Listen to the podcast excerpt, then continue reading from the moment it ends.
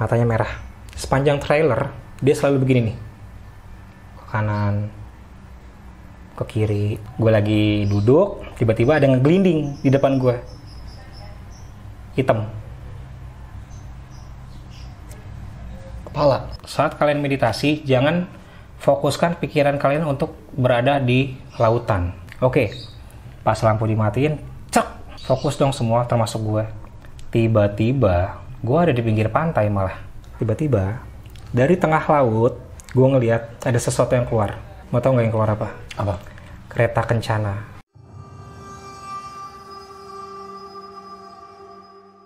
Assalamualaikum teman-teman, balik lagi sama gue Joe. Pada hari ini, gue lagi-lagi kedatangan narasumber yang super super keren, Bang Runan. Apa kabar Bang? Alhamdulillah sehat. Alhamdulillah sehat. Belum mulai udah gemeteran ya. Belum, Belum mulai ini udah, aduh, mulai udah langsung ini banyak banget. ada yang nggak enak nih.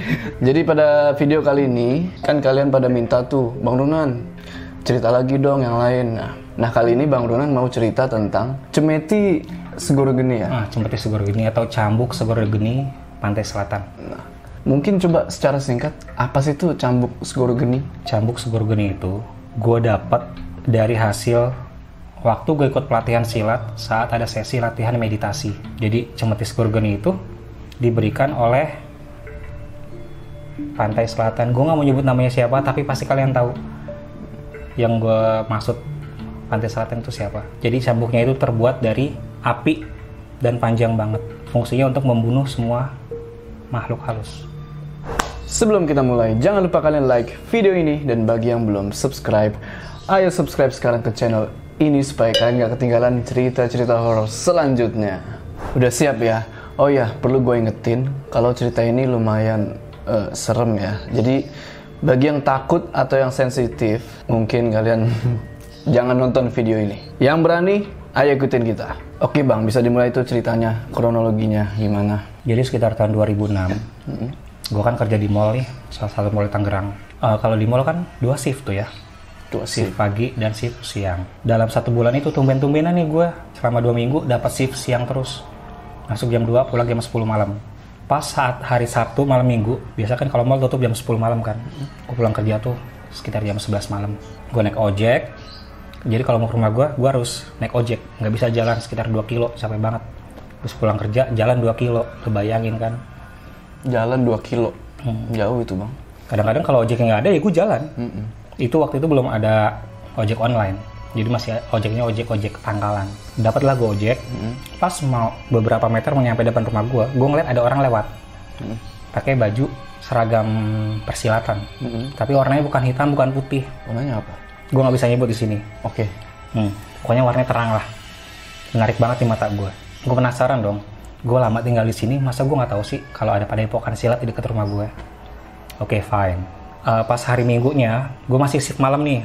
Tapi itu yang pakai baju silat itu malam pas malam minggu malam Seninnya nggak ada, Nggak ada, nggak ketemu berarti. nggak ketemu. Nah pas gue udah oversip, gue udah di oversip pagi di minggu ketiga, gue mau berangkat malam minggunya. Pas gue lagi jalan, gue ngeliat, gue lagi main kan malam malam minggu gue lagi main, gue ngeliat tuh dia jalan. Gue tapi gue belum berani nyapa orang itu, gue masih ngeliatin aja. Gue ikutin nih arahnya ke mana? Oh arahnya ke sini ternyata. Hari minggunya, minggu pagi, gue mau berangkat kerja sekitar jam 7, ketemu lagi sama orang yang sama. Masih pakai baju persilatan itu. Gue bingung dong, malam minggu dia latihan, hari minggu paginya latihan. Karena saking penasarannya, pas saat gue dapat libur, dapat off, di hari apa gue lupa, Senin atau Selasa gitu ya. Gue samperin tuh tempat yang gue ikutin orang itu. Oke. Gue nanya sama sekitar, penduduk sekitar, ada nggak di sini yang latihan silat pakai baju ini, warnanya ini? Oh, ada mas, tempatnya sebelah sana tuh. Dia latihannya biasanya malam minggu sama hari minggu pagi. Oh, pantesan, gue bilang. Gue gue masih belum penasaran. Gue cuma pengen tahu infonya doang. Gue pulang di minggu keberapa gitu, gue balik lagi. Gue nemuin pelatihnya langsung. Gue nanya pelatihnya, ini perguruan apa namanya, dari kapan? Kok saya baru tahu? Gue bilang. Oh, namanya ini ini ini ini, ini. dijelasin sama dia. Kalau mau gabung gimana? Gratis kok, gampang. Cukup bayar buat baju aja. Jadi bayar sekitar 350.000 ribu dapat baju. Lengkap lah sama bawa sama sabuk segala macamnya sama bed. Oke oke. jadi waktu itu kalau untuk pemula sabuknya sabuk putih.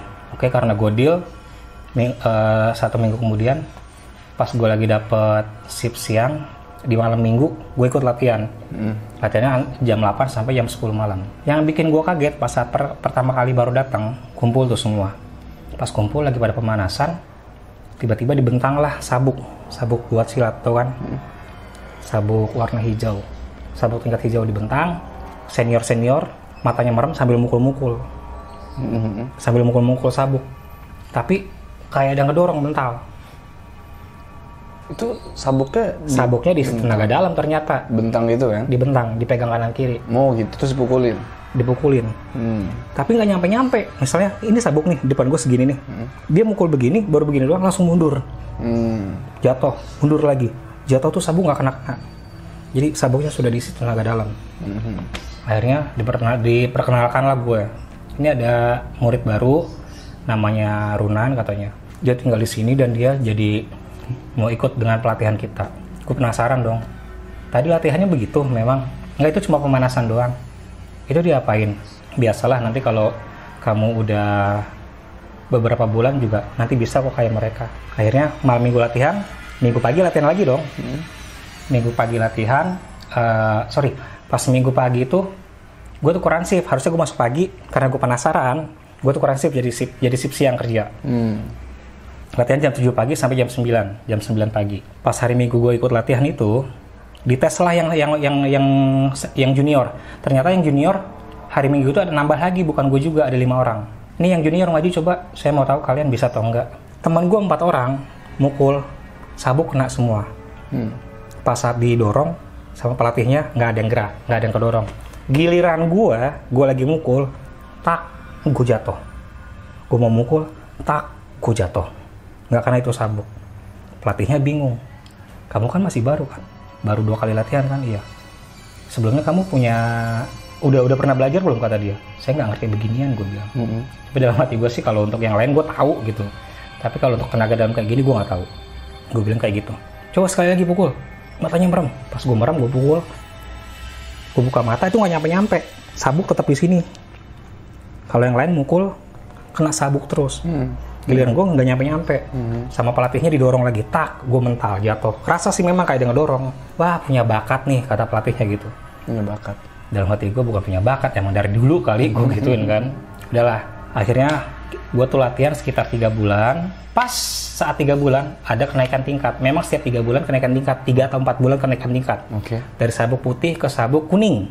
Oke. jadi kalau ke sabuk kuning itu pengisiannya jadi ada ada cara pengisian ternyata pengisiannya air putih dicampur dengan daun kelor Hmm. dan kita makan beberapa tusuk sate daging sapi Sapi. Hmm.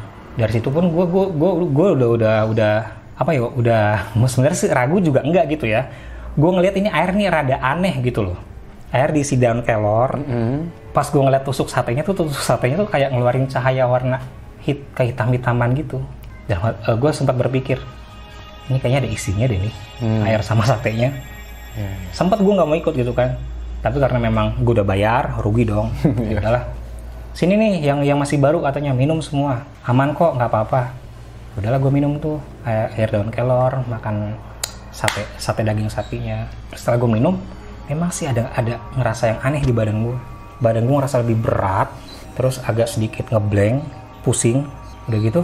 Gue jadi sensitif, jadi gampang marah gitu. Dalam sekejap gue kalau orang ngomong ngegas dikit aja, gue gue marah gitu loh Emosi ya. emosi bawaannya. Akhirnya kata pelatihnya, ini yang udah minum ya udah makan sate, ini baca amalannya ya. Ternyata ada amalannya juga. Hmm. Amalannya itu pakai satu pakai bahasa Arab dicampur dengan bahasa Jawa dan bahasa Indonesia tiga bahasa. Masih inget nggak amalannya? Gue nggak mau nyebut. Hmm, gue masih oke. ingat. Pokoknya saat uh, atasnya syahadat, Hmm. uh, di tengah-tengahnya al-fatihah, Oke. itu masih masih doa semua ya. Di bawahnya itu bacaan misalnya "Ah, saya berharap gini gini gini gini gini, gini. Biar biar agar gini gini gini. Terus di di di, di bawahnya bahasa Jawa. Jadi ada permintaannya juga. nah di bahasa di bawahnya bahasa Jawa setelah itu dibaca katanya setiap habis sholat. Dan harus di tempat yang sepi jangan jangan di tempat yang ramai gue nanya dong memang kenapa harus di tempat yang sepi? Nggak boleh tempat yang ramai kalau kamu lagi baca amalan itu orang nyentuh atau kesenggol badan kamu, uh, energi atau ilmu yang lagi kita baca bakal nempel, bakal transfer. Jadi ya kalau gue misalnya tuh nih pindah ke lu gitu. Nah, jadi gue lagi baca amalan nih pas habis sholat. Seandainya gue lagi sholat Jumat nih, gue lagi baca amalannya nih. Pas lagi gue baca amalan, ada orang lewat nyenggol, tak. Jadi tenaga dalam gue ketransfer ke dia. Hmm, iya iya iya. Jadi harus tempat yang sepi. Ya gue bingung dong masa sholat Jumat sepi-sepian. Iya iya benar. Jadi akhirnya untuk mengakalinya setelah sholat Jumat, gue nunggu mereka pulang dulu, baru gue baca amalan. Hmm. Setelah sepi, gue baca amalan, udah. Eh, di tempat kerja pun gue juga sama. Jadi gue sholat di musola nunggu sepi dulu. Takutnya kan kesentuh Senggol, orang, iya. kesenggol orang. Nah efeknya itu gue jadi gampang emosi. Padahal kan gue customer service, kerja melayani orang. Hmm. Customer rese dikit aja, ngamuk gue. Hmm. Gue gue jadi agak ngebalas dengan bahasa-bahasa kasar. Sampai pernah gue satu kali gue nantangin customer karena dia dia sebenarnya bahasanya sopan banget ke gue. Bahasanya sopan, Mas. Ini kok begini ya? Kenapa ya, Mas ya? Tapi nggak sabaran orangnya. Gue bilang sabar ya Pak ya, saya melayani yang ini dulu sebentar. Iya. Tapi dia bilang ini dari tadi loh Mas saya sama Mas yang itu nggak dilayanin juga. Mas sabar nggak sih? Gue bilang. Eh Bapak sabar nggak sih? Saya lagi melayani yang ini. Bapak tunggu dulu. Akhirnya kan bapaknya itu emosi. Siapa nama kamu kata dia? Akhirnya karena gue ada emosi banget, gue tunjukin ini Pak name tag saya. Silakan Bapak viralkan, gue gituin aja. Bapak laporin ke manajer saya, saya nggak takut, gue bilang. Saking gue udah emosinya dalam hati gue, tapi hati gue ngomong, dulu gue kayak gini deh. Hmm. Semarah apa pun orang pasti gue sabar gitu. Tapi kenapa gue jadi emosian kayak gini? Sempat dalam hati gue ngomong. Temen gue juga bilang, bilang, lo kenapa sih sekarang berubah banget? Berubah kenapa? Gampang marah lo kata dia. Sebentar, sebentar ngamuk, sebentar sebentar banting ini banting itu. Gak tahu nih gue bingung. Gue mau cerita tapi masih agak ragu. Oke lah, gue masih ikut latihan itu selama hampir satu tahun setengah Lama juga ya. satu tahun setengah tiap tiga bulan kenaikan tingkat di bulan ke-6 dari sabuk kuning pindah ke sabuk hijau diisi lagi ternyata Isiannya lebih-lebih dari yang kemarin. nah kalau yang itu kalau yang di, dari sabuk putih ke sabuk kuning isiannya ibaratnya cuma pemanasan doang lah Hmm. ternyata pas pindah ke sabuk dari sabuk putih ke kuning kuning ke hijau diisinya lebih full tapi nggak nggak nggak minum nggak minum air itu lagi cuma hanya makan makan sate Makan aja satu doang. cuma makan sate. Setelah pengisian yang kedua kali, gue makin marah orangnya, makin gampang marah. Gerah aja sedikit di mobil, gue ngamuk.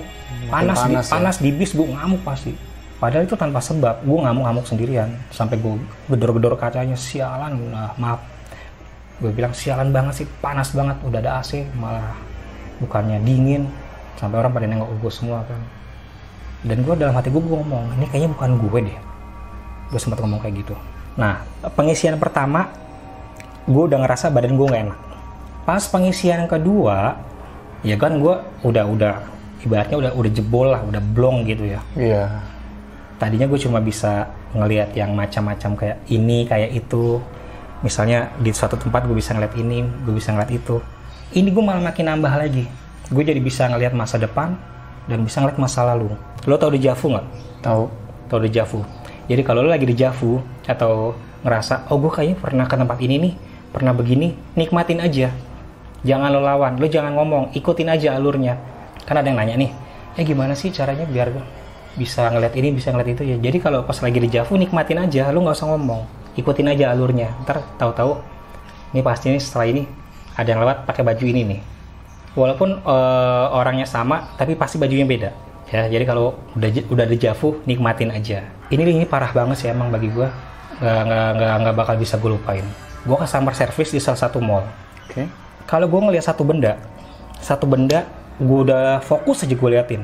Dalam hati gue, ini kayaknya bakal hilang. Contohnya handphone. Contohnya handphone. Ada customer gue naruh handphone di depan gue, di di samping kanan lah, di samping kanan dia, Hmm. di sisi kanan dia. Dia tuh lagi ngomong sama teman gue. Gue gue gue lagi eh, nyiapin buat prepare sebelum inilah beres-beres beres-beres barang sebelum toko dibuka. Jadi tuh customer datang duluan, nggak mau ngantri kan. Handphonenya ditaruh di sebelah kanan, dia lagi di counter ngobrol sama teman gue. Gue lagi nyusun barang, gue fokus tuh ke handphonenya. Dalam hati gue ngomong, ah ini bakal hilang nih handphone. Gue ngeliat memang bakal hilang. Nggak lama kemudian, handphone ditaruh di kantong, dia keluar dari counter gue, balik lagi beberapa jam kemudian. Mas lihat handphone saya nggak? Hah? bukannya tadi bapak taruh di situ bapak ambil bapak bawa enggak saya belum merasa ngambil tadi saya lihat bapak ngambil loh gue gituin saya kan lagi nyusun barang saya lihat bapak naruh di kantong at- atau mungkin jatuh enggak mas. Saya rasa belum ngambil. Yang gue tahu dia memang udah ngambil. Gue rasa sih itu hilangnya di parkiran. Kejadian kan.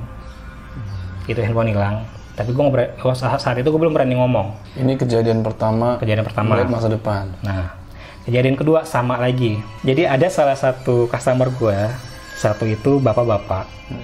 Dia dekat sama gue, gue nyebutnya Pak siapa lupa gue, tapi gue nyebutnya Kokoh karena memang lebih tua dari gue. He's Chinese, dia dia orang keturunan. Gue nyebutnya Kokoh. Eh, saat itu dia memang lagi single, umur sekitar 50 tahunan kali ya, tapi masih single. Oke. biasa dia sendiri datang berdua tuh sama cewek masih muda.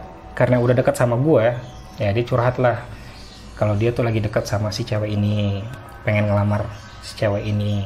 Akhirnya kejadian lah mereka nikah. Pas nikah beberapa bulan kemudian sekitar eh, 6 6 bulan kemudian lah 6 atau lima bulan kemudian si kokonya curhat lagi di gue sama gue. Nan gimana ya? Saya kan udah tua nih saya pengen banget punya anak katanya. Pengen banget punya keturunan. Cuma si cicinya ini masih belum siap. Ci, sini Ci, gue bilang. Kenapa? Emang belum siap punya anak? Belum masih pengen main katanya. Hmm. Hmm. akhirnya gue tiba-tiba langsung blek lihat aja nanti. Berapa bulan lagi dapat dua sekaligus. Ah ngoceh aja lu kata si cicinya gitu kan.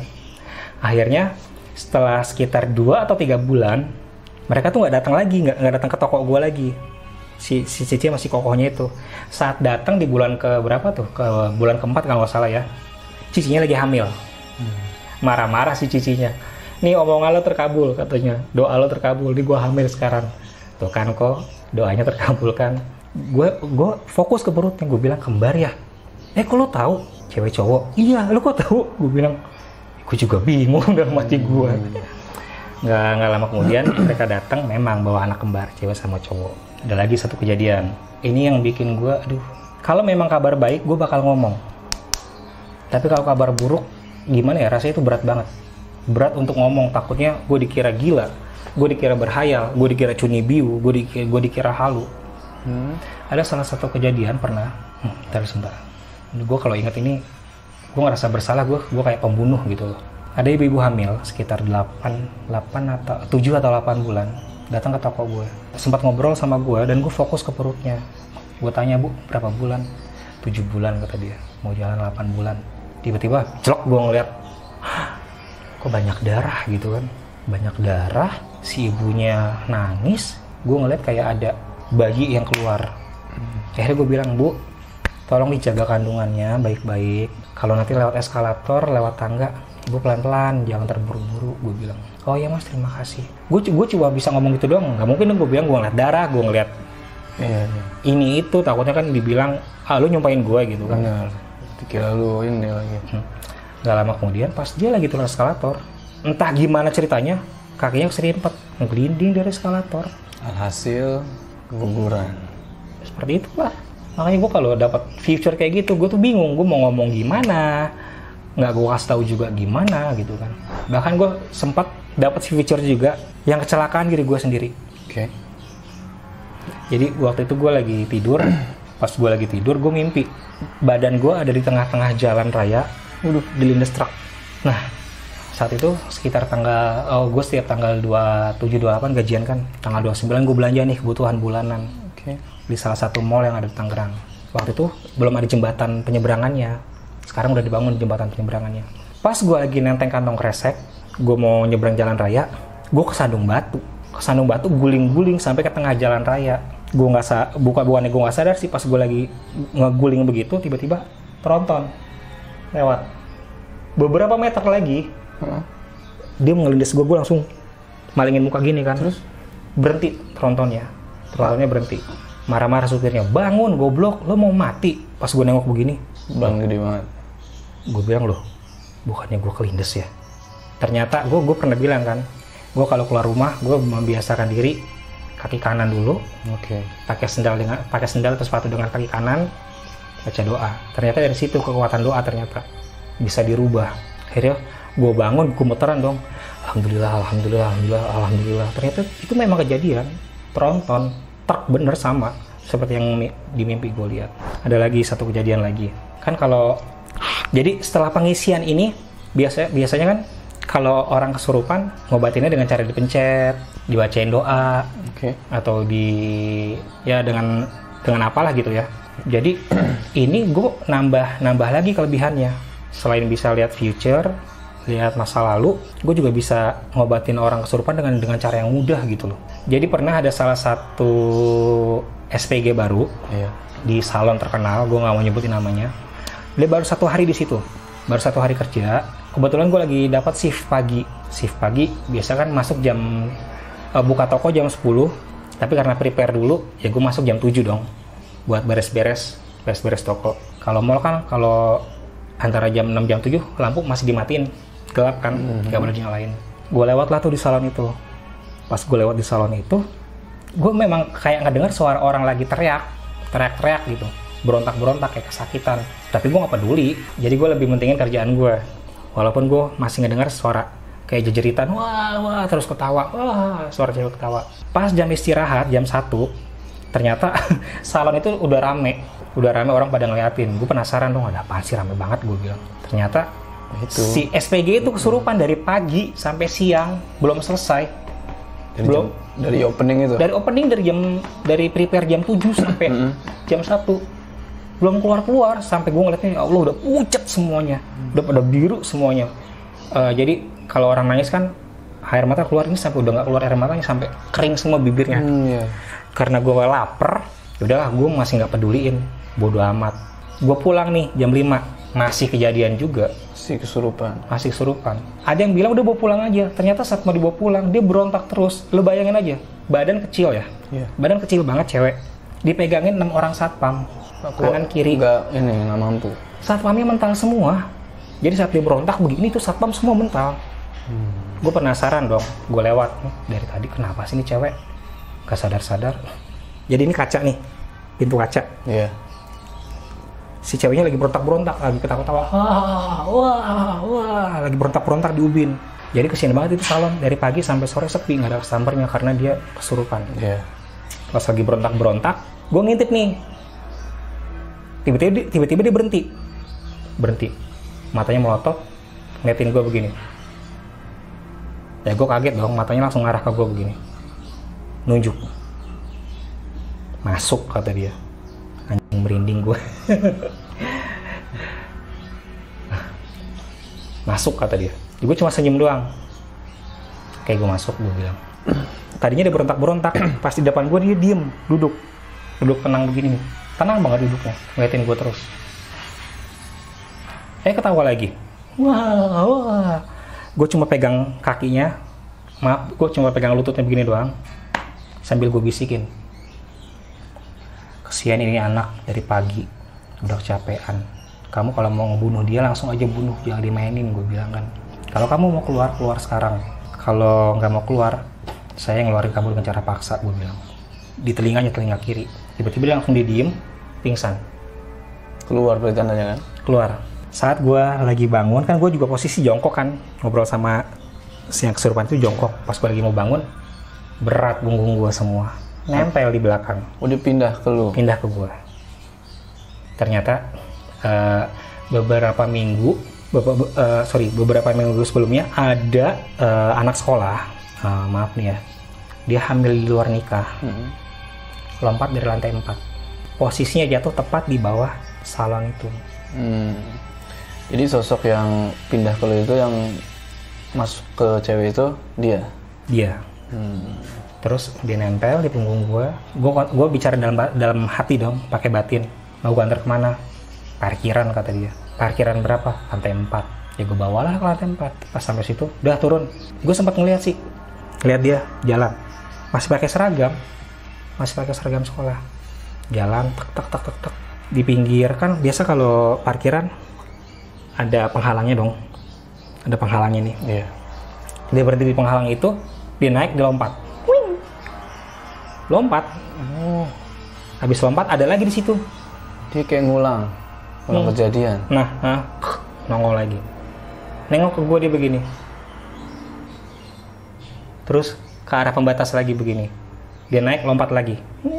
Balik lagi. Begitu terus ya? gitu aja terus. Oh ternyata dia memang di situ. Gue ngeliat tuh ke bawah gini. Oh dia jadi pas lagi mendarat itu arahnya jatuh. Memang sih setinggi eh, setebal-tebalnya rumput kalau jatuh dari lantai 4 juga tetap aja dong apalagi iya. lagi dalam kondisi hamil kan. Bener. akhirnya pas gue liat oh dia ternyata tergeletak di situ. Ya udahlah. Sampai-sampai eh, main eh, supervisor salonnya itu datang ke toko gue ini mas yang kemarin eh, nyembuhin karyawan saya ya? Gue gue sempat bilang saya bukan dukun bu. Nggak saya nggak bisa nyembuhin orang. Oh nggak apa-apa mas terima kasih. Dikasih voucher tuh gue voucher buat treatment tapi gue nggak mau gue gue nolak. Sampai kasih uang gue nolak juga. Teman gue pada berebutan dong. Ambil kata teman gue yang cewek. Ambil lumayan itu. Nggak gue nggak mau gue ikhlas kok nolongin orang gue bilang. Kalau nggak buat gue aja vouchernya. Ya lo ambil kalau lo mau ngapain gue perawatan? Vouchernya diambil sama temen gue tapi amplopnya gue balikin. Ya lumayan lah kerimbat pedi meni. Pas udah itu udah nih. Hari Jumat gue libur kan. Gue libur kerja gue iseng nonton di sa di 20 di 21 memang sih ini toko gue beberapa meter di depan toko gue tuh 20, 21 Oke. habis gajian juga dong iseng. Waktu itu lagi happening sebuah film. Gue nggak mau nyebutin filmnya film apa. Filmnya film horor film setan. Oke. gue nonton yang jam 6 6.20 berarti hampir setengah tujuh dong. Tujuh petang ya. setengah tujuh malam. Jadi gue sholat maghrib dulu gue nonton. Dari awal gue masuk teaternya itu gue udah ngerasa nggak enak nih. Feeling gue udah udah ada apa sih kok? Ini teater nggak enak banget rasanya. Bioskop nih nggak enak banget walaupun rame tapi kayaknya adem aja sepi gitu. Pas gue udah duduk gue kan biasa duduk di seat antara 12 atau 13 di atas. Hmm, itu tempat favorit gue 12 atau 13 sebab tuh view-nya enak suara datang semua. Pas gue udah duduk udah di tiba-tiba saat lagi kan biasa kalau film sebelum mulai ada iklan-iklan gitu kan kayak iklan yang misalnya coming soon film yang akan datang. Trailer trailer. trailernya dulu. Saat tra- trailer trailernya lagi mulai gue lihat di sisi kanan layar yang pernah nonton pasti tahu dong itu layar segede apa setinggi apa. Iya. awalnya cuma berbentuk asap hitam. Asap hitam kayak begini nih. Lama-lama tinggi. Itu di sisi kanan. di sisi kanan. Blek jadilah sebuah sosok. Terus sosok hitam berbulu setinggi layar. Lo bayangin setinggi layar itu Hmm. matanya merah sepanjang trailer dia selalu begini nih ke kanan ke kiri kayak ngeliatin penonton. Mm-mm. kayak ngawasin situasi mm. gue bukannya fokus ke trailernya ke filmnya gue malah fokus ke dia gue begini itu apaan sampai gue kucek mata kan waduh gue bilang wah tunggu teater kali pas saat lagi mau dimulai filmnya Oke. gelap kan Heeh. Pas gelap mati redup redup redup matanya kelihatan tuh merah. Hah? matanya dong yang kelihatan merah. Film dimulai dreng. Dia masih posisi begini. Gini terus. Pas di tengah-tengah film karena gue tuh sepanjang film mulai gue nggak fokus gue fokus ke dia terus. Oke. karena dia merasa dia merhatiin tiba-tiba dia ke arah gue begini. Waduh. mata merahnya langsung begini. Gue nunduk. Sepanjang dia ngeliatin gue terus gue nunduk. Gue ngeliat lagi begini dia begini lagi. Ke kanan ke kiri lagi. Gue perhatiin dia lagi dia berhenti di gue lagi begini mata merahnya. Udah deh gue bilang gue nggak fokus deh mendingan gue keluar daripada gue nonton tapi malah nonton horor setannya malah keluar langsung gitu loh. Akhirnya pas gue keluar dari teater sebelum selesai gue nanya tuh sama petugas itu mas sini. Ini sepanjang film ini diputer ada kejadian gak sih? Kejadian apa emang? Kejadian apa kek? Kok saya ngeliat di ujung sebelah kanan kayak ada yang berdiri. Mas bukan orang yang pertama. Kemarin juga ada penonton yang kesurupan katanya. Oh pantesan. Jadi itu penunggu teater. Iya penunggu. Mas emang ngeliat? Ngeliat lah tinggi banget gue bilang. Ini makanya saya keluar. Saya nggak fokus malah fokus ke dianya. Weh mas bisa emang? Ya gue diem aja udah. Gue kalau kerja selalu berangkat jam 7 jam 7 pagi kan posisi mall masih gelap tuh. Gue paling demen duduk di lorong-lorong yang sepi yang gelap. Nggak tahu gue demen aja kalau lagi nunggu kan bisa sambil tiduran waktu itu cuma masih main handphone masih zaman SMS-an pas gue lagi di lorong yang gelap sama sepi kaki gue gue selonjorin tiba-tiba ada cleaning service tuh kan kalau bawa ember tau nggak ember yang didorong Tahu. yang warna kuning yang Tahu tahu. Nah kalau di laut kan bunyi tuh ember gredek gredek gredek gredek gredek kayak gitu kan. Iya. Cleaning service nih. Gue paling demen ngerjain. Kadang-kadang gue suka nongolin kepala gue begini doang nih. Hmm. Kaget dong. Wah lari. Gue ketawa. Datang lagi nih temennya. Mana mana mana. Gue ngumpet di tangga darurat. Pas temennya bilang nggak ada kok. Gue keluar. Gue keluar. Gue duduk lagi. Dia ngepel lagi. Gue ketawa.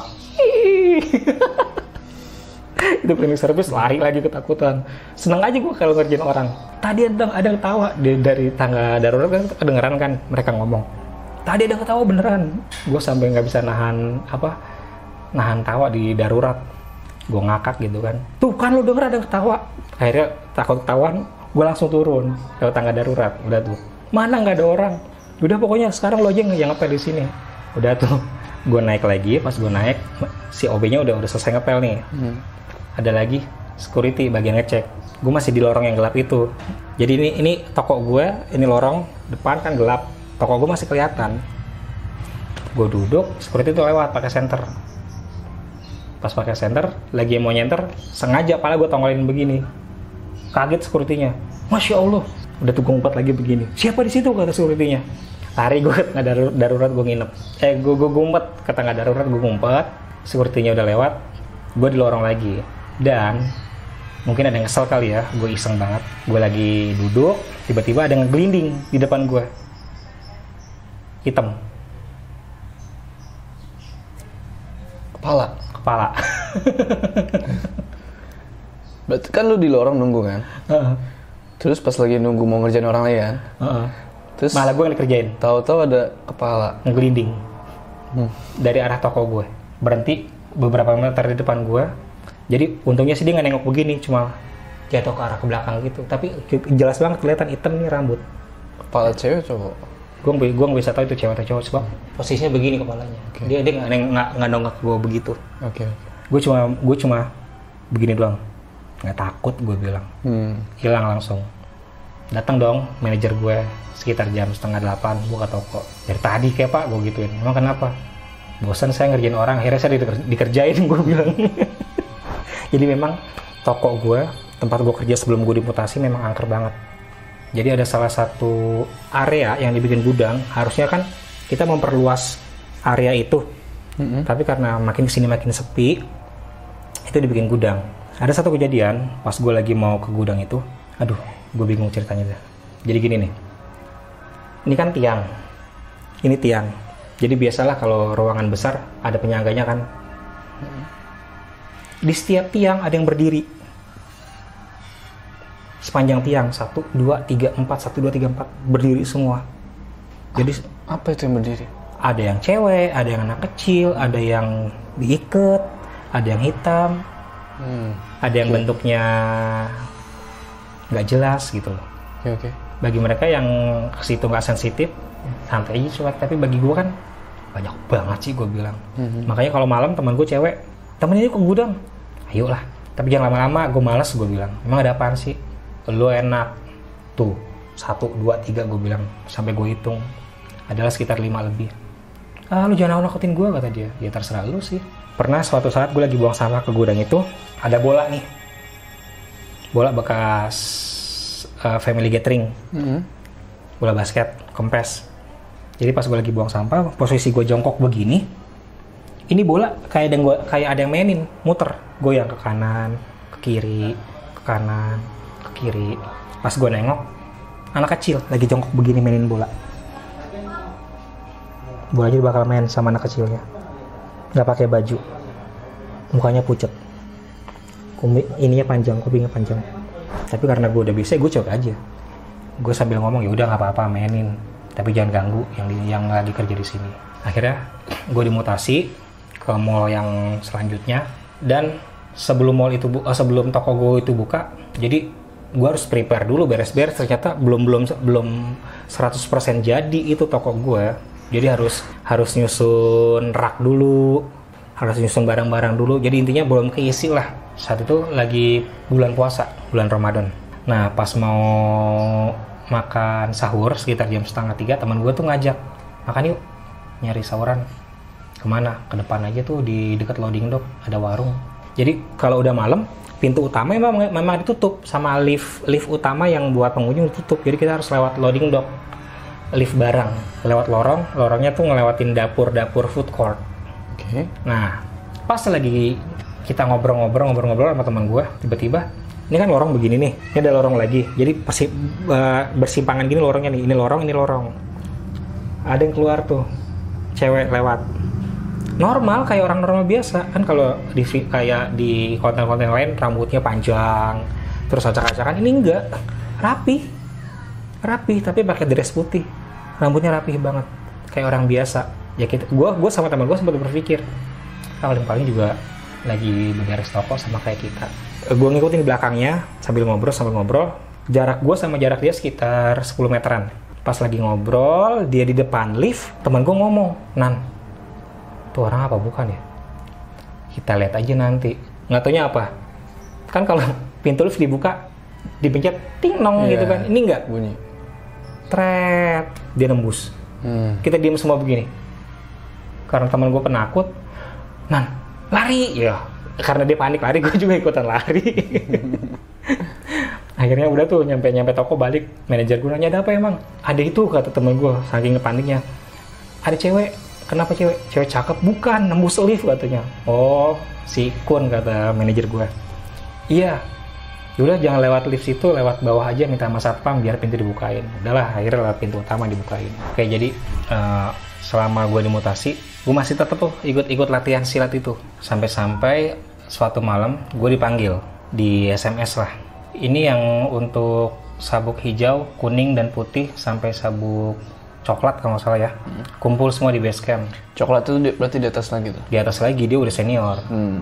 kita kumpul di base camp malam Kamis kalau nggak saya malam Kamis kumpul di base camp kata pelatihnya kita belajar meditasi nah gue bilang meditasi oke lah nggak apa-apa tapi dengan dengan satu syarat saat kalian meditasi jangan fokuskan pikiran kalian untuk berada di lautan Hmm. terserah deh maunya di mana katanya asal jangan di lautan ataupun yang berbau dengan air kata pelatihnya gitu. Gue nanya memang kenapa?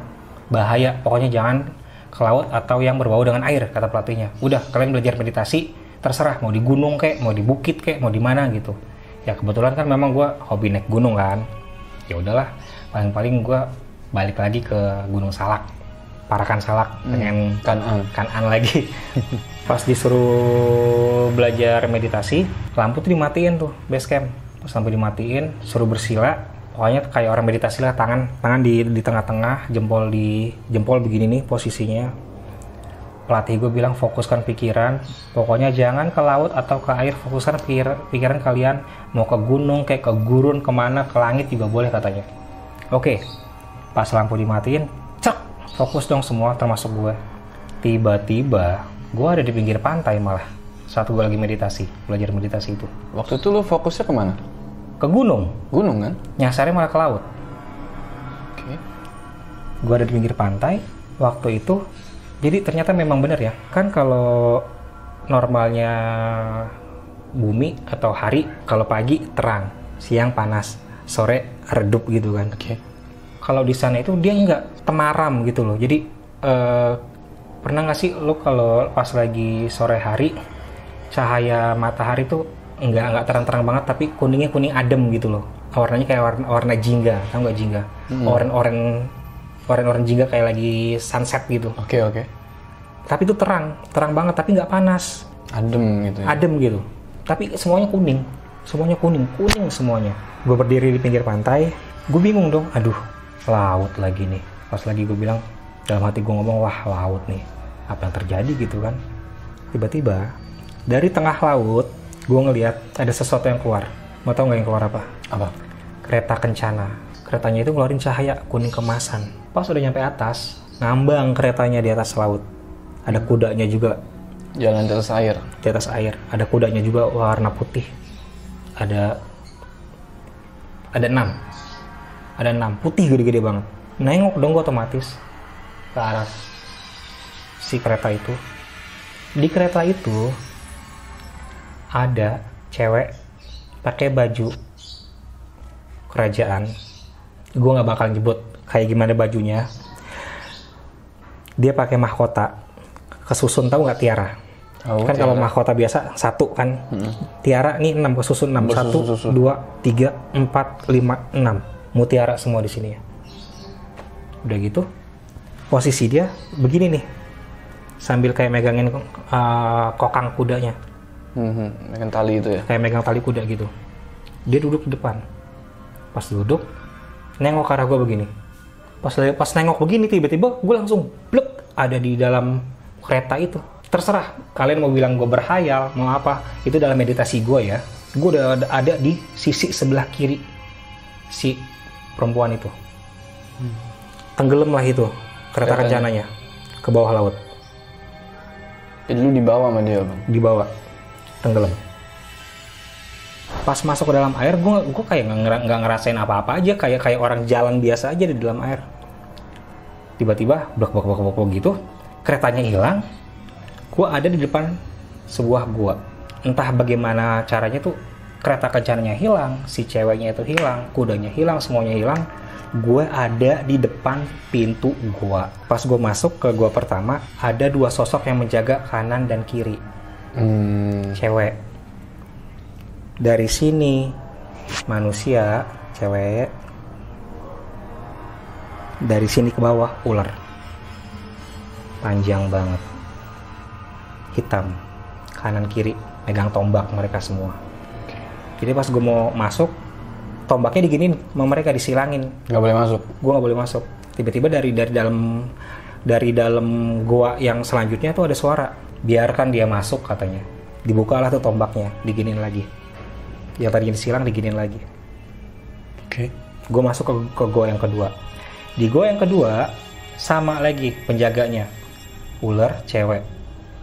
Disilang lagi tombaknya. Di gua yang kedua ini lebih ekstrim. Di gua yang kedua ini lebih ekstrim. Pas saat si penjaganya nyilangin begini kedengaran suara lagi emang. Biarkan dia masuk. Hmm. gue masuk ada sebuah apa sih? Kayak singgah gitu. Singgah sana.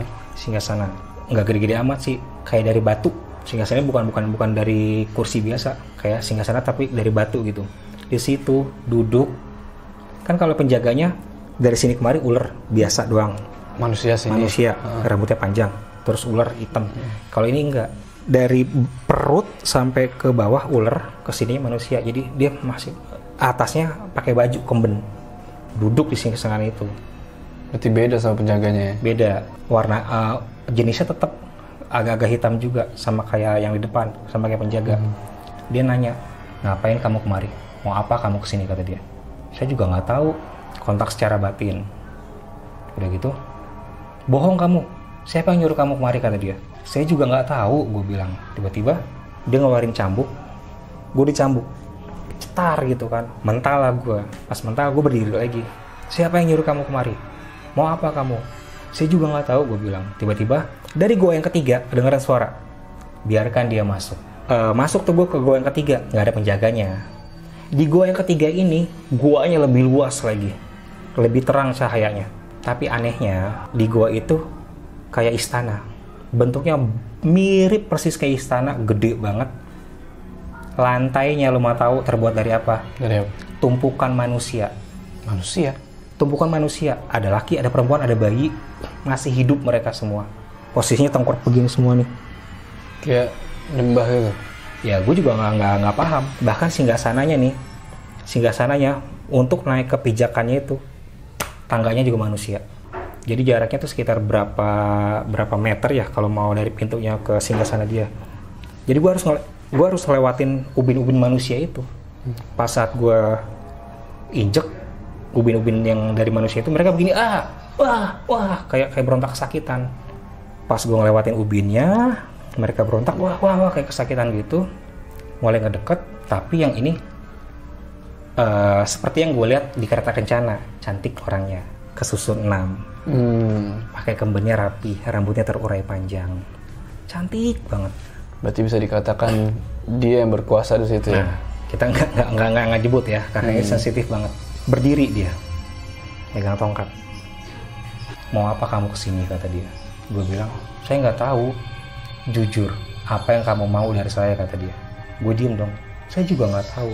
ini kan yang kamu mau dikeluar itu cambuk beda yang di gua kedua dia megang cambuk tapi agak hitam yang ini dia megang cambuk nge, apa ya pas lagi ditarik begini ngeluarin cahaya berkilat kayak api. Ini kan yang kamu mau kata dia. Dilemparlah cambuk itu buat kamu. Pas dilempar tahu-tahu gue udah ada di base camp lagi. Rame lah heboh lah base camp sama pelatih gue juga rame.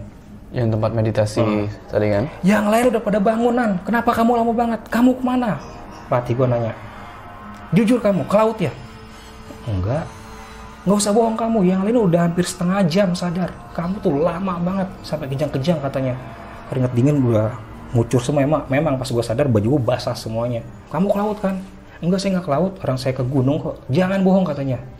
Kalau kamu ke bukit atau ke gunung nggak mungkin kamu sampai kejang-kejang gitu sampai basah gitu. Dapat apa kamu kata kata pelatih gua? Enggak saya nggak dapat apa-apa. Padahal mah gila. Setelah gua sadar punggung gue nih separoh jadi gini nih kan nyilang arah sebelah kiri silangannya tuh panas. Sebelah sini nggak normal. Setelah gue dilempar itu udah hawanya tuh nggak enak. Akhirnya udah tuh bener ya kamu nggak ke laut? Nggak saya nggak ke laut. Pulanglah sekitar jam 11 malam. Pulang gue tidur. Saat gue tidur itu gue mimpi. Gue mimpi lagi ngaduk-ngaduk lumpur. Ngacak-ngacak lumpur. Hmm. Tangan kiri gue ngacak-ngacak lumpur tiba-tiba dari dalam lumpur keluar kayak kaki kaki harimau tapi hitam. Tahu kan? Harimau hitam kakinya. Mhm. nyakar. Seret kaget lah gue pas gue kaget gue bangun gue lihat nih mungkin kalau bisa lihat gue tunjukin ke kamera. Pas abis dicakar gue sadar gue bangun dari tidur kayak ada bekas cakaran di sini nih. Ngilang ke- kemari kaget dong gue. Lengkap lah sudah. Kayak keesokan harinya setelah gue jalanin aktivitas sep- seperti sehari-hari gue kerja setelah pengisian biasanya gue gue kan gampang marah sensitif dong. Sekarang marahnya lain lagi. Kalau marah gue ngapain? Gue meraung-raung nyakar-nyakar kayak macan. Hmm. kalau gue udah mulai kecapean tangan gue pasti begini nih. Eh, ini kan Oh. counter nih ini counter meja customer gue di depan. Kalau customer gue rewel ngegas tangan gue udah begini aja di, di meja nih. Hmm, ya ya. udah nyakar-nyakar meja. Mhm. sambil ngeluarin jadi hawanya tuh pengen ngegigit leher orang aja gitu loh. Bener gue pengen ngegigit leher orang sama pengen nyakar dia gitu. Macan. Nah itu. Pernah suatu saat gue mampir ke rumah teman gue, dia punya anak kecil umur hmm, lima tahunan. Gue lagi libur kerja, tiba-tiba pas gue ketok pintu, assalamualaikum, Waalaikumsalam. Anaknya keluar, kaget anaknya gini, ketakutan. Papa, papa, omnya jangan masuk, omnya nggak boleh masuk. Emang kenapa? Kucingnya gede banget, kata anaknya gitu. Kucing omnya gede. Itu mana? Itu kucing omnya tuh di belakang gede banget, matanya merah, galak katanya. Teman gue nanya dong, lu bawa apaan emang? Kok nggak bawa apa-apa? Lu bawa macan lo gitu. Macan dari mana tuh? Akhirnya eh, karena memang si anak ngeliat, kita ngobrol di teras aja bukan di ruang tamu. Anaknya disuruh masuk. Udah kamu masuk aja nah katanya. Jangan ikut eh, papa sama om Unan lagi ngobrol. Dapat dari mana loh ditanya. Ya gue juga nggak tahu ini. Gue tadi malam belajar meditasi, dapat ini juga. Dia ngeliat, gila lo badan lo apaan tuh panas banget begitu. Sampai kayak kebakar gitu. Dia, dia ternyata ngeliat juga. Udah gitu, itu dapat dari mana katanya. Tadi malam gue dipanggil buat latihan meditasi. Gue ceritain lah semua dari awal sampai akhir. Dia geleng-geleng. Nah, nan, itu jin semua kata dia. Terus gue harus gimana? Ya udah itu terserah diri, diri lo sendiri kata dia. Lo yang lo yang harus bisa manage mereka semua. Jangan lo yang dikuasain kata dia. Itu yang macan gimana datangnya? Dia nanya. Jadi setelah gue meditasi, gue bilang, gue pulang, gue tidur, gue mimpi ngaduk-ngaduk lumpur, tangan gue dicakar. Pas gue bilang tangan gue dicakar, dia, dia narik tangan gue nih temen gue. Masya Allah, lo udah dikasih tanda sama dia digituin. Dia sampai istighfar sih, lo udah dikasih tanda nih sama dia. Lo ngeliat, ya ngeliat lah ini hilang kata dia. Tandanya begini hilang, seret, kayak bekas cakaran. Yaudah pokoknya hidup lo hati-hati aja kata dia. Hmm.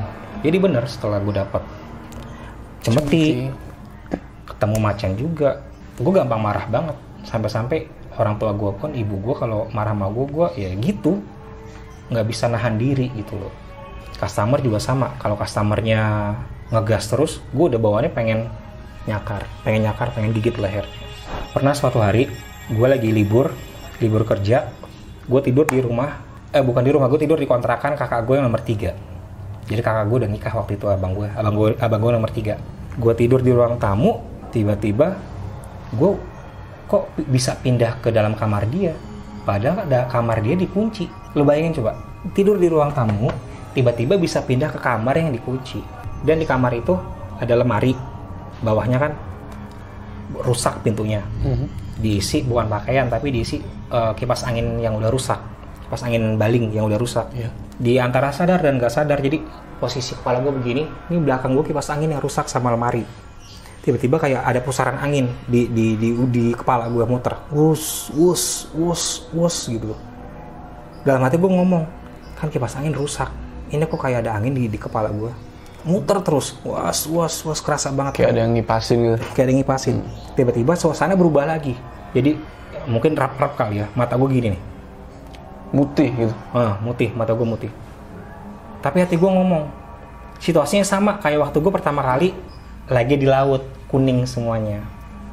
Waduh, terus? pas mata gue begini semua angin terus jalan keluarlah suatu sosok. Awalnya cuma berbentuk asap hitam. Keluar sosok asap hitam awalnya kecil. Tiba-tiba dia berdiri di dada gue dia nginjek dada gue gede banget.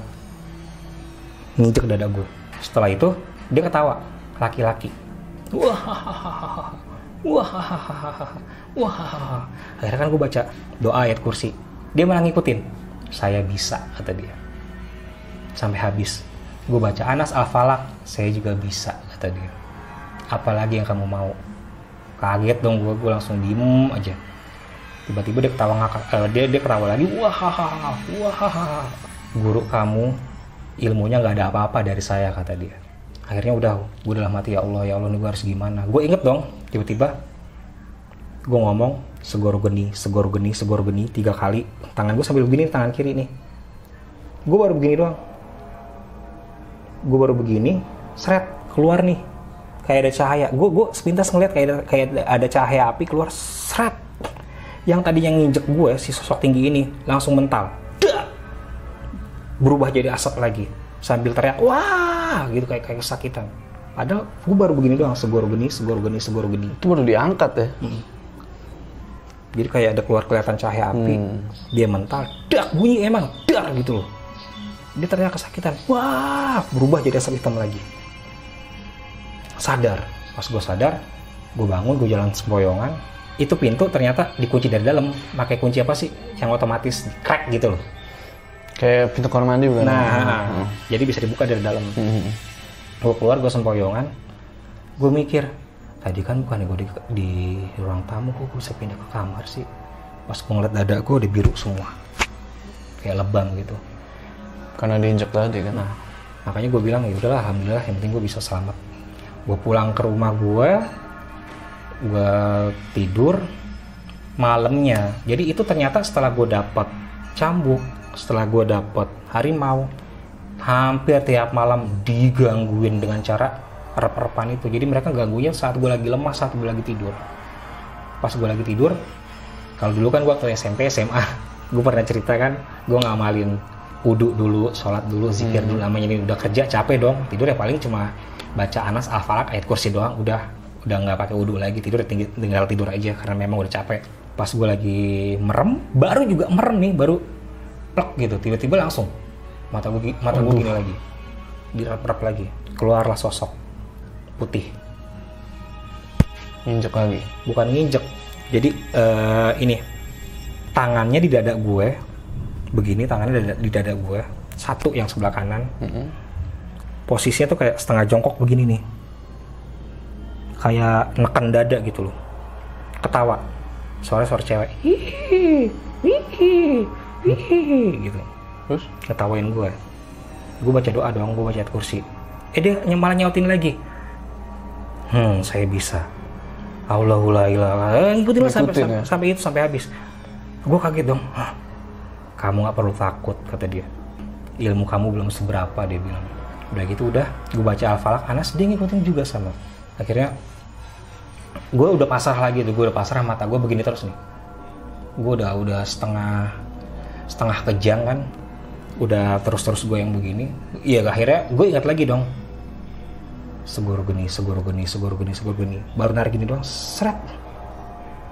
Seperti biasa kayak Mental. yang, kayak yang tadi mental. Dar kayak bunyi ledakan. Dar dia dia teriak kenceng. Wah! Kesakitan.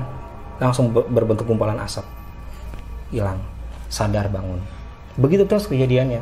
Sampai berapa lama itu? sekitar satu tahun setengah. Satu tahun setengah. gangguan selalu ada. Seperti itu semua. Dengan ber- dengan berbagai macam makhluk. Sampai-sampai ada salah satu orang eh, dia guru gue juga. Dia ngomong gini kamu punya apa punya apa? Saya nggak punya apa-apa. Jangan bohong kamu begitu kamu itu ibaratnya magnet loh nan kata dia. Setiap kamu jalan setiap kamu lewat mereka ngumpul. Kamu ini magnet mereka tuh besi. Magnet ketemu besi narik kan? Iya.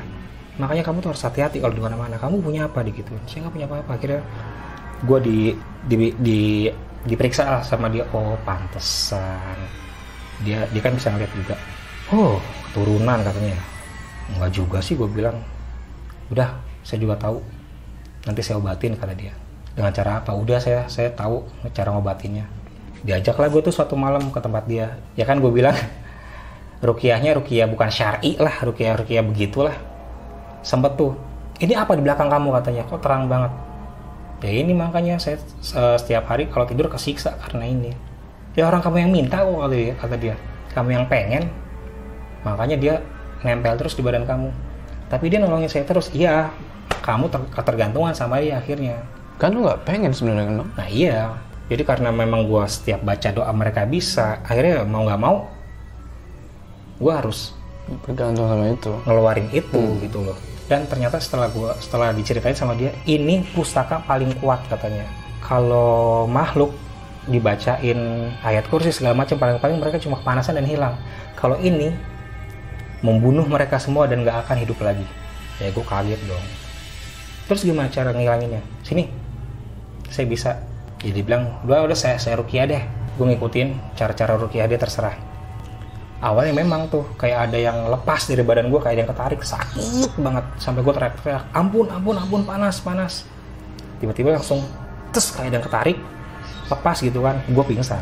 Eh, Nggak lama kemudian gue sadar, eh, memang awalnya kan punggung punggung gue panas terus nih. Hmm. agak mulai adem enakan. Udah tuh. Dia bilang alhamdulillah udah selesai. Oh iya pantesan aja gue bilang punggung gue agak enak agak ringan nggak panas lagi. Sebulan kemudian panas lagi. Balik lagi. balik lagi.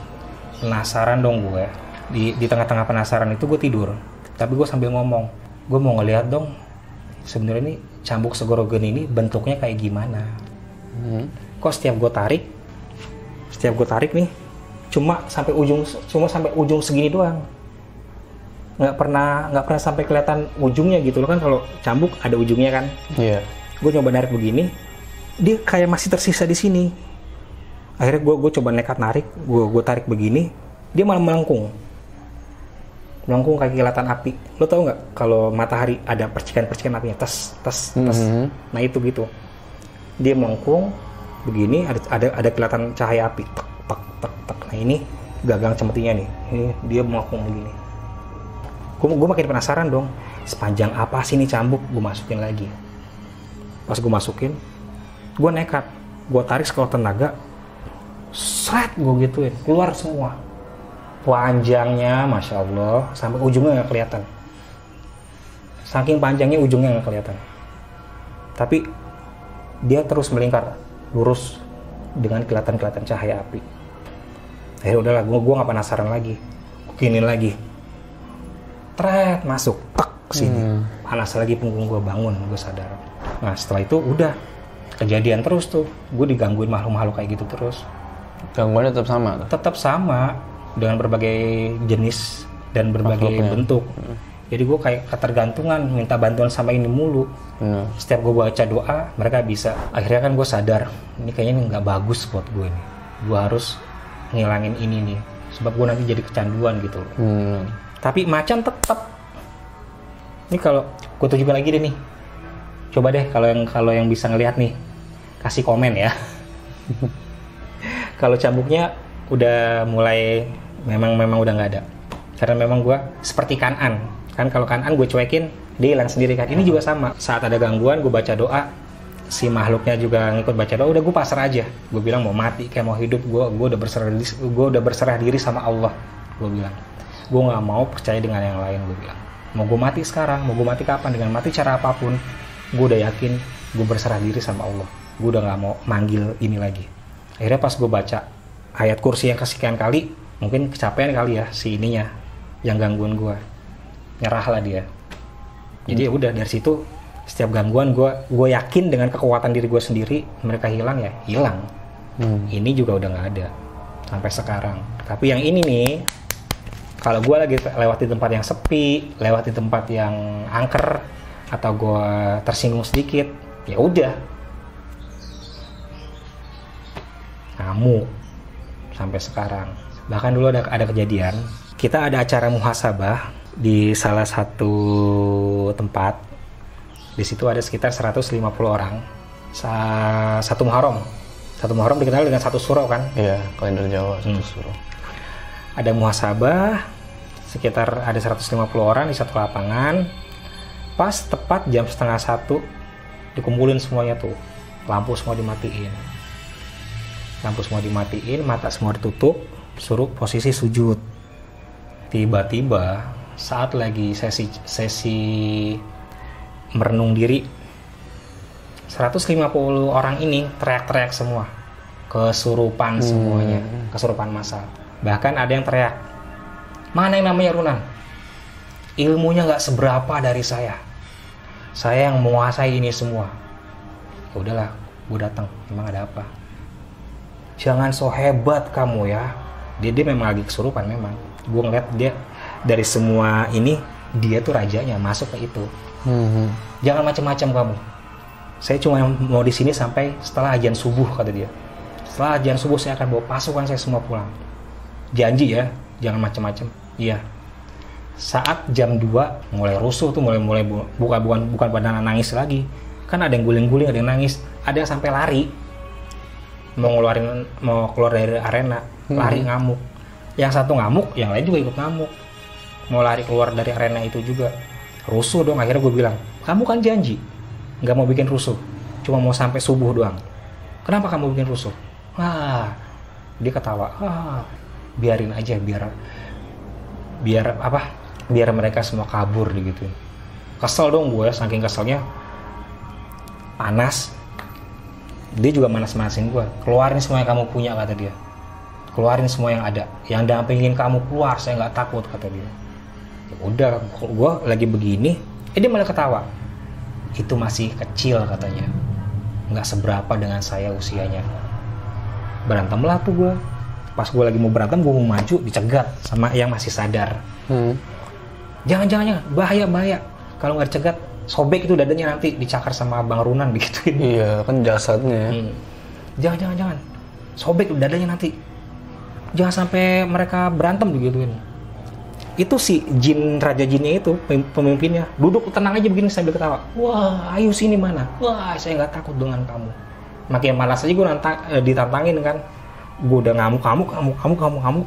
Akhirnya teman gue kena kecakar pipinya. Udah itu ada ngobatin. Nan, sadar, sadar, kuasain diri kamu, jangan kuasain sama begituan akhirnya udahlah gue nenangin diri sadar memang bener pas ajan subuh sekitar jam 4 lewat yang kesurupan pingsan semuanya. Pingsan semuanya. Keluar semua udah tuh. ya keluar semua.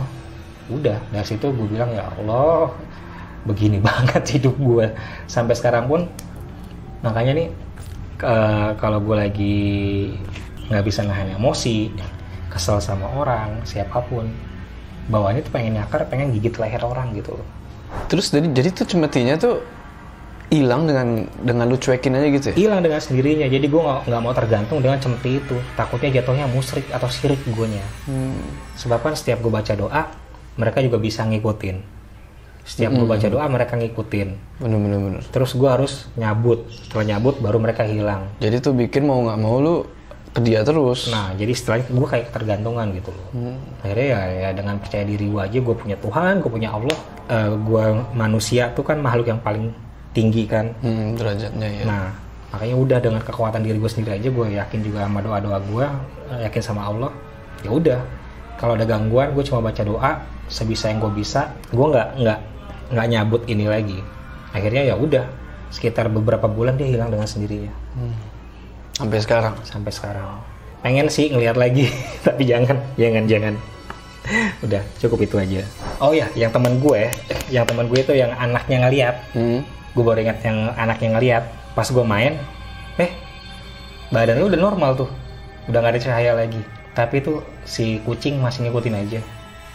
Dia ngeliat si kucing masih ngikutin aja. Ya gue juga nggak tahu nih gimana cara ininya.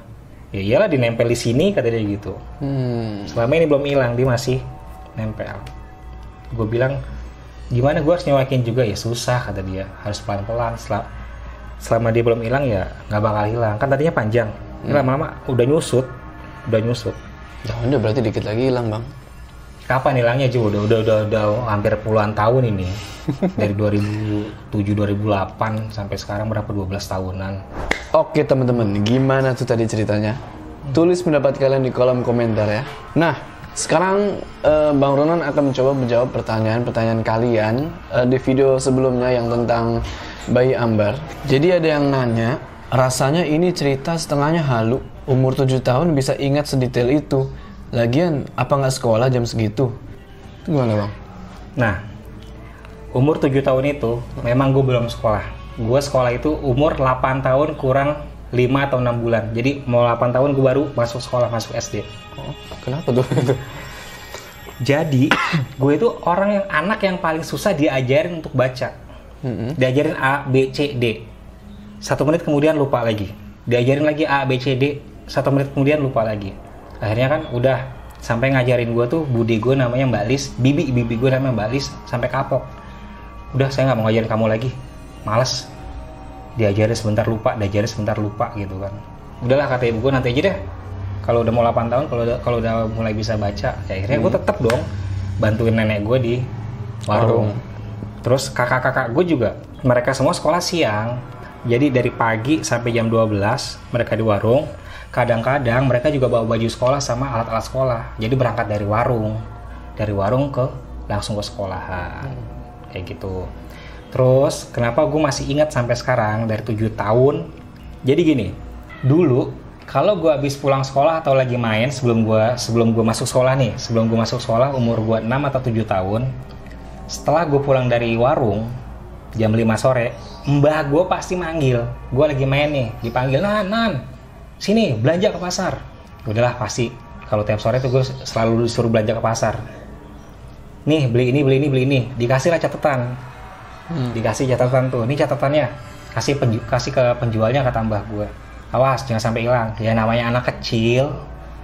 Dulu bawa jerigen minyak, ditendang-tendang pakai dengkul sambil jalan sambil nendang-nendang jerigen minyak pas lewat toko mainan mampir dulu tuh gue ke toko mainan. Kan jadi eh, pesanan yang mau dibeli gue pegang nih. Lupa. Mungkin jatuh kali di toko. Ya. pulang lagi mbah. Pesanannya hilang. Piye sih masa eh, bisa hilang? Ya tadi mampir dulu ke toko mainan. Makanya jangan mampir mampir dulu kata mbah gue sekarang gini nih ingat aja. Toko leng tanah beli minyak tanah 5 liter beli minyak goreng 2 kilo setengah. Beli bawang merah 1 kilo. Beli bawang putih setengah kilo. Beli telur eh, 2 kilo. Beli kecap. Kecapnya kecap ABC ya? Ya. Satu botol. Beli penyedap rasa beli mecin yang 500 jangan yang 100 yang 500 iya. Kelapa dua. Jangan kayak kemarin kelapanya jangan dikerok. Kelapanya biasa aja biar santannya banyak. Ya akhirnya tuh gue tuh nginget-nginget oh beli beli minyak tanah beli minyak kelapa beli bawang. Itu semua urutannya jangan dirubah. Kalau gue udah nyampe warung urutannya gue rubah aja. Gue bilang nih Pak D beli bawang merah. Kesannya udah gue lupa. Tapi kalau urutannya dari awal gue ingat nih disusun lagi. Pak D beli minyak tanah beli minyak beli minyak goreng beli bawang merah beli kayak bawang bawang putih beli telur beli kecap. Slek. jadi terbiasa gue jadi udah udah kalau ke pasar udah nggak dikasih catatan lagi. Hafal. udah hafal mbak, gue tinggal ini tinggal ngomong doang. Bahkan sampai sekarang pun gue masih ingat teman-teman gue kelas 1 kalau kalian masih ada dan masih hidup halo gue mau nyapa kalian. Ajat Sudrajat dari Ciamis. Iwan terakhir tahun berapa gue ke sekolah gue gue ketemu sama salah satu guru gue nanya bu kabarnya Iwan gimana? Katanya sekarang dia di Singapura. Namanya Iwan Darmawan Iwan ini punya kakak namanya Ningsih. Hmm. si Iwan dari kelas 1 dia tuh kalau masuk sekolah harus ditemenin sama kakeknya. Kakeknya keluar kelas dia nangis nggak mau belajar. Sampai sekitar satu atau dua bulan baru dia, dia terbiasa. Terus ada lagi yang namanya Mardiah. Mardiah ini gemuk tukang makan cewek. Ada lagi yang namanya Iwan yang gue bilang si Iwan yang giant teman gue Hmm, yang si Iwan. Terus ada lagi namanya Magdalena, paling cantik di kelas, tinggi anaknya. Dan yang spesial buat gue namanya Anita. Dia selalu menjemput gue kalau sekolah, selalu jemput. selalu jemput. Anita namanya. Terus gue juga masih ingat wali kelas gue waktu gue kelas 1. Yang pertama itu namanya Pak Porman. Orangnya itu, aduh, humble banget. Setiap dia ke sekolah selalu bawa makanan untuk anak muridnya. Setelah Pak Porman di dia naik jabatan jadi kepala sekolah, diganti dengan Bu Teti. Hmm. Bu Teti udah nih, karena gue sempat nggak naik kelas, belum bisa baca kelas 1, digantilah dengan Ibu Manurung. Masih ingat kan? Oke. Terus ada yang bilang ini setengah halu. Gimana gue mau halu coba? Ini gue ngalaminnya, saksinya masih ada. Ibu gue masih hidup, kakak gue yang makan sajian juga masih ada. Ya, lemarinya itu juga masih ada kalau bisa ngomong. Terus kalau memang bilang buktinya mana? Ini ini kalau ngomong dong ada buktinya. Masa gue harus bangkitin bapak gue lagi dari dari kuburan? Sama gue harus gali lagi itu mayat yang udah dikubur. Makanya kalau ada yang bilang ini setengah halusinasi, ya terserah kalian sih. Gue hanya mem- eh, membagikan pengalaman, eh, meng- meng-share pengalaman gue. Kalian percaya ya silakan. Enggak ya juga. Memang ini memang ini yang gue alami. Oke Bang Ronan, makasih Ya, banyak sama-sama, udah mau Yo. bercerita panjang lebar tentang pengalamannya. Mungkin nanti kalau ada pengalaman lagi boleh dong di share. ya itu kan salah satu dari lima yang opsi ditawarkan kan hantu kota tua Jakarta terus amarah hantu pemakam amarah hantu makam Cina. Terus hantu pelajar pantai cerita. Satu lagi ah lupa. Pokoknya ada ada lima opsi ya itu salah satunya. Nanti kalau memang kalian gak bosen dan dikasih kesempatan lagi gue untuk bercerita gue akan bercerita lagi. Tunggu ya. Bagi yang belum subscribe ke channel ini, jangan lupa kalian subscribe sekarang juga supaya kalian gak ketinggalan cerita-cerita horor selanjutnya. Gua Joe ditemani oleh Bang Runan. Sampai jumpa di cerita selanjutnya. Bang, ini emang dingin gini gimana sih? tadi kan panas kan sekarang jadi dingin Kanan doang dingin banget. Ini memang hawanya dia. Hawa dari yang ceweknya. Kan? Hawa dari yang ceweknya. Tadi kan pas kita masuk panas kan. Hmm. Habis sholat Jumat langsung dingin. Gue juga pas masuk. Makanya ada kabut gue liat di sini. Di record nggak itu? Iya. Di sini panas bang. Di sini panas. Tapi di sini dingin. sebelah sini panas. Kan gue bilang Di sini dingin banget. ada kabut kan. Kayak yang liat kabut. Ini dari dia ternyata. Dari yang di kamar yang cewek ini. Kayak AC gitu kan. Hmm. Jadi lebih lebih nyaman kan kalau kalau ke sini kan Mm-mm. daripada ke sini. Padahal ini ada ventilasi kaca. Hawa dari dia. Hawa dari si, si perempuan ini. Walaupun dia kan gue bilang dia ini kekuatannya middle. Hawanya medium, bukan bukan yang high bikin kita yang bikin bikin kita takut enggak. Dia cuma penasaran doang. Oke. Dia memang nunggu di situ di kamar itu. Ya, buat yang penasaran di kamar siapa itu ya. Kelihatan tuh. Tuh, nongol ya. Udah, cukup itu aja. Gua Udah. capek. Ternyata ini nih nyerap energi gila. Kok lu keringetan bang? Iya, nyerap energi ternyata.